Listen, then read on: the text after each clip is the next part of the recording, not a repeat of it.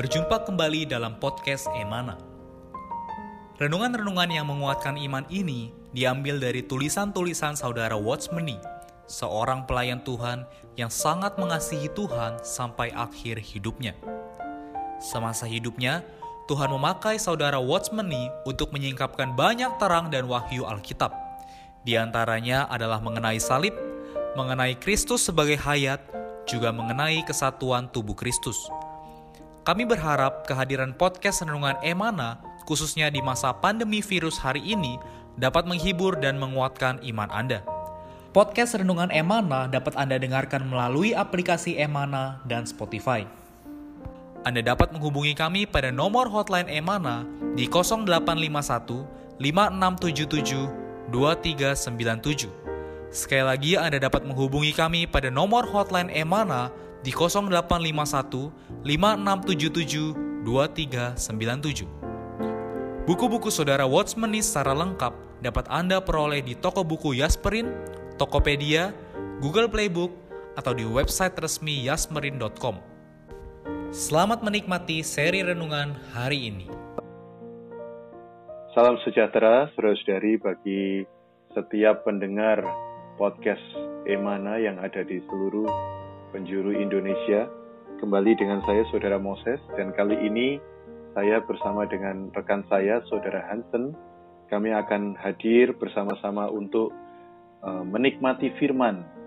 Juga uh, ada satu uh, hal yang bisa menguatkan bagi kita semua melalui sharing yang kami bagikan pada hari ini. Saudara Hansen, apa kabarnya?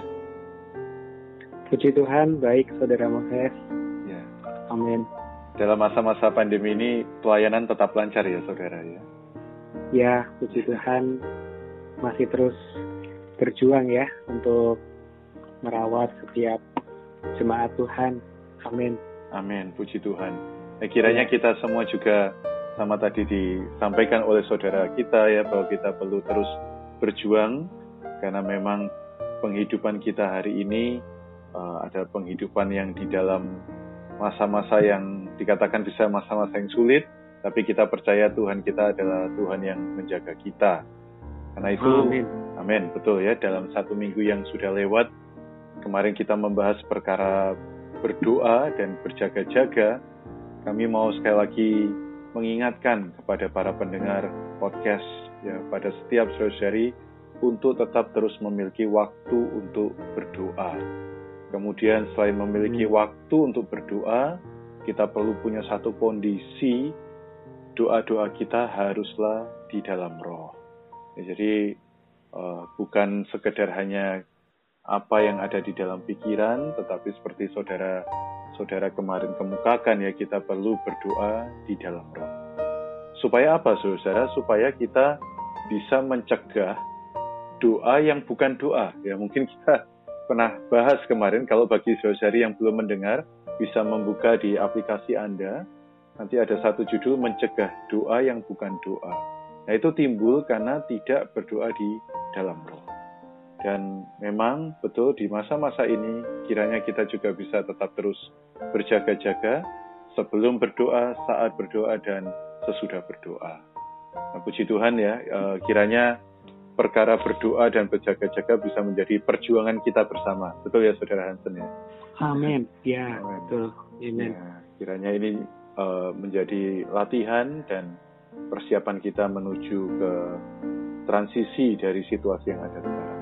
Nah baik, tanpa berlama-lama, setiap hari Minggu, hari ini kita, kami akan hadir dengan satu uh, edisi khusus ya, saudara-saudari, bagaimana kami akan membahas dari buku berjudul 12 bakul. Hari ini kita masuk ke volume yang pertama, berita yang kedua, mengenai kekekalan salib Kristus. Nah, kami harap dari buku ini yang uh, kami bagikan kenikmatannya, saudari Anda semua juga bisa dikuatkan, dihiburkan, ya Anda bisa menikmati Kristus lebih dalam lagi. Saya bacakan ayat untuk memulai renungan kita. Di Ibrani 9 ayat 15 dikatakan, karena itu, ia adalah pengantara dari suatu perjanjian yang baru, supaya mereka yang telah terpanggil dapat menerima bagian kekal yang dijanjikan. Sebab ia telah mati untuk menebus pelanggaran-pelanggaran yang telah dilakukan selama perjanjian yang pertama. Dari ayat ini apa yang bisa kita temukan, saudara? Ya, dari ayat ini ya saya menikmati perkataan bahwa Tuhan itu adalah pengantara, ya, Amin. pengantara untuk masuk ke satu perjanjian yang baru. Ya, kita kenal bahwa Alkitab ada perjanjian lama dan juga ada perjanjian yang baru. Dan di sini dikatakan di perjanjian yang pertama itu banyak pelanggaran-pelanggaran. Gitu. Ini uh, sebenarnya juga mengekspos ya, mengekspos kondisi dari umat Allah ya. Termasuk kita hari ini juga tentunya menyadari kita ini penuh dengan dosa dan pelanggaran ya. Nah, tetapi kita lihat di perjanjian yang lama uh, Tuhan uh, meminta supaya umatnya itu memenuhi ya, yeah. memenuhi tuntutan hukum Taurat ya, hukum yang diberikan oleh Allah kepada umatnya. Ya, tetapi ketika umatnya tidak bisa melaksanakan maka ya ada satu perlu ada satu penebusan ya Betul. yang diperoleh melalui darah binatang kurban ya. Nah, tapi kita bersyukur ya bahwa Tuhan mewahyukan bahwa di perjanjian yang baru ada satu penggenapan dari segala kurban di perjanjian lama ya. Amin. Karena ya kita tahu bahwa kurban yang ada di perjanjian lama itu tidak bisa sepenuhnya ya menghapus dosa atau pelanggaran umat manusia ya karena ya sifatnya hanyalah sementara ya betul, betul. hanya menutupi ya kita bersyukur kita punya satu perjanjian yang baru amin ya. amin ya betul puji Tuhan hari ini kita punya satu perjanjian yang baru Ya, kitab Ibrani ini mungkin jarang sekali dibahas ya.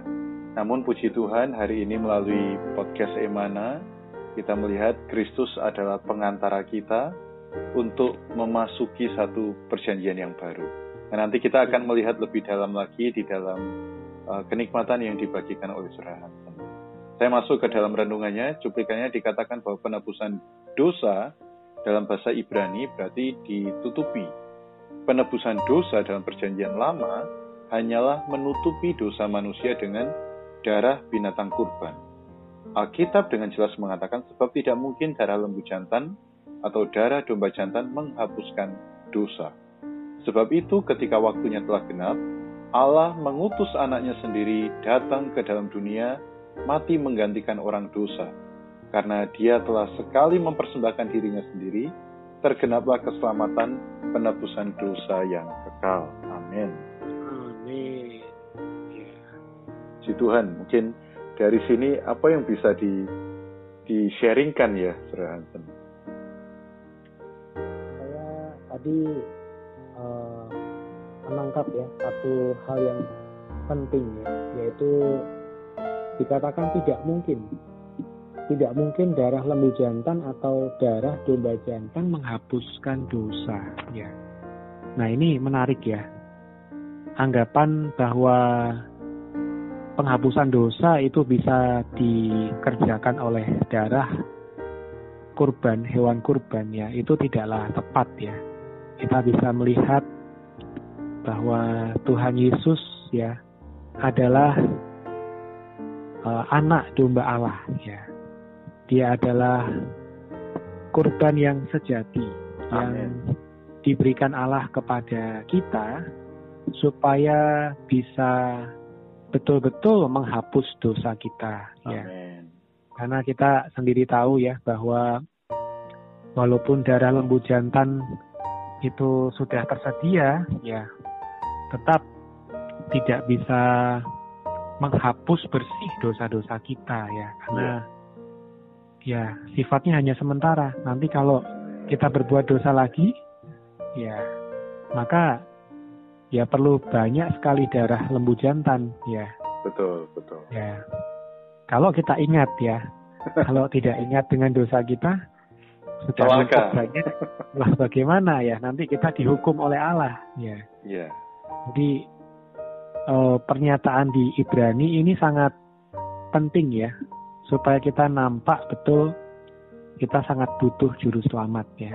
Kita sangat butuh kehadiran Tuhan Yesus sebagai kurban untuk menebus kita. Amin. amin, amin. Puji Tuhan. Ya, kiranya dari sini kita benar-benar mengucap syukur ya, saudara ya, bahwa Ya. Eh, hari ini kita tinggal di dalam perjanjian baru itu adalah satu berkat ya. sekalipun kayaknya pandemi ini kita bisa mengatakan mana berkat Tuhan Eh, kiranya Ya. melalui situasi yang baru saja saudara tadi kemukakan sungguh bisa ada di dalam umat perjanjian baru adalah satu berkat nah Amin. kemudian selanjutnya ya saya sambungkan dikatakan bagaimana sekarang manusia beroleh selamat melalui salib. Nah, apa hubungannya sekarang dengan salib? Karena biasanya kalau bicara tentang salib itu identik dengan sesuatu yang menakutkan, sesuatu yang bersifat menderita, tapi kok ini justru bicara berkat tadi ya. Nah, ada satu Hmm. hal yang perlu kita perhatikan yaitu Kristus disebut sebagai domba, anak domba Allah. Dalam perjanjian lama disebut dua kali. Dalam perjanjian baru Menurut bahasa aslinya, dalam kitab Injil dan kisah para rasul juga disebut tiga kali. Dalam surat kiriman disebut sekali. Tetapi dalam kitab Wahyu disebut sebanyak 28 kali. Dalam kitab yang menyinggung alam kekekalan ini, Allah khusus menyebut anaknya sebagai anak domba. Domba ini baru disembelih dikatakan. Kemudian bekas lukanya masih ada. Luka yang kekal yang menjamin keselamatan kekal. Oh, anak domba yang tersembelih patutlah menjadi peringatan kita sampai selama-lamanya. Kemuliaan salib Tuhan Yesus selamanya tidak akan berkurang atau rusak. Puji Tuhan. Amin. Ya, ya sangat menarik ya.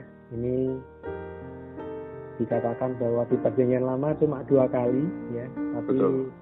di perjanjian baru tadi saya hitung total ada 32 kali ya mengenai Kristus sebagai domba ya. Jadi Betul. kita lihat memang Kristuslah inilah yang bisa menggenapkan penebusan bagi kita. Dia mati di atas kayu salib, dia disembelih, dia mengucurkan darah untuk menghapus segala dosa kita. Amin. Wah, ini sungguh adalah berkat ya. Tadi Betul. dikatakan kita mau minta berkat apa ya? Berkat yang sejati adalah keselamatan ya. Amin. Ya. Kalau kita punya segala, kita punya harta, kita punya kedudukan, kalau kita mati dan menanggung hukuman Allah, maka semuanya juga menjadi sia-sia. Amin. Saya rasa ini betul ya, inilah berkat yang kekal, berkat yang kita patut syukuri ketika kita lemah, ketika kita sedang di dalam tekanan, kita perlu ingat bahwa kita sudah menerima berkat yang kekal, yaitu anak domba Allah sudah tersembelih bagi kita semua. Amin. Amin. Ya, saya sangat setuju, Saudara Hansen ya, bahwa melalui renungan yang diberitakan hari ini kita ada alasan untuk tetap terus mengucap syukur pada Tuhan. Ya. Sekalipun kayaknya kondisi sedang sulit, tapi Iya. betul Tuhan kita tetap memelihara kita dengan mem- mengingatkan. Bahkan saya Amin. rasa Anda semua bisa mendengarkan uh, renungan podcast hari ini juga adalah berkat. Ya. Ini adalah berkat bahwa kita diingatkan Yesus yang adalah anak domba Allah memiliki khasiat darah yang kekal. Keselamatannya kekal, keselamatannya tadi dikatakan tidak akan berkurang, tidak akan rusak. Ya, Situasi pandemi ini Tuhan aturkan untuk menunjukkan harta, benda, kesehatan semua sementara ya. Saudara, iya betul. Tidak ada yang betul. kekal. Hanya keselamatan yang Tuhan berikan dia jamin sifatnya kekal. Wah, Betul. kita harus benar-benar mengucap syukur. Iya, Amin. Puji Tuhan ya. Untuk menutup renungan ini saya undang Saudara Hansen untuk bisa berdoa bagi seluruh pendengar di setiap kota di Indonesia ya supaya bisa penuh dengan sukacita. Amin. Mari saudara-saudari yang terkasih kita satu di dalam doa. Amin. Tuhan Yesus, kami sungguh bersyukur Engkau adalah anak domba Allah yang menghapus dosa dunia. Ya, Terima kasih Engkau hadir bagi kami. Engkau adalah berkat yang sejati yang kami miliki. Tuhan, di tengah segala yang di dunia ini hanyalah sementara, bahkan di saat pandemi kami makin nampak semuanya adalah fana, tetapi kami boleh kembali merenungkan dan mengapresiasi kemustikaan salibmu Tuhan amin. kemustikaan penebusanmu yang nilainya sampai kekal. Amin. Tuhan, kami tidak bisa membalas semua yang Kau berikan kepada kami. Kami hanya bisa mengucap syukur. Tuhan, biarlah ketika kami ingat pada salibmu, Ya, hati kami penuh dengan perasaan syukur. Kami dipenuhi dengan rasa kasih Tuhan yang membuat kami semakin dikuatkan. Tuhan, sungguh berkatilah semua pendengar dari podcast ini. amin. Tuhan, berkatilah agar kami senantiasa hidup penuh dengan ucapan syukur. Kami boleh memberitakan salibmu yang kekal kepada orang lain. Terima kasih Tuhan, mulia bagi nama Tuhan. Amin. Amin. Amin. Puji Tuhan. Amin. Tuhan memberkati Saudara Hansen. Tuhan Tuhan memberkati memberkati. Saudara-saudari. Amin. Terima kasih. Amin. Sekian podcast Renungan Emana hari ini. Kami akan kembali pada seri berikutnya. Anugerah dari Tuhan Yesus Kristus dan kasih Allah dan persekutuan Roh Kudus menyertai kita semua.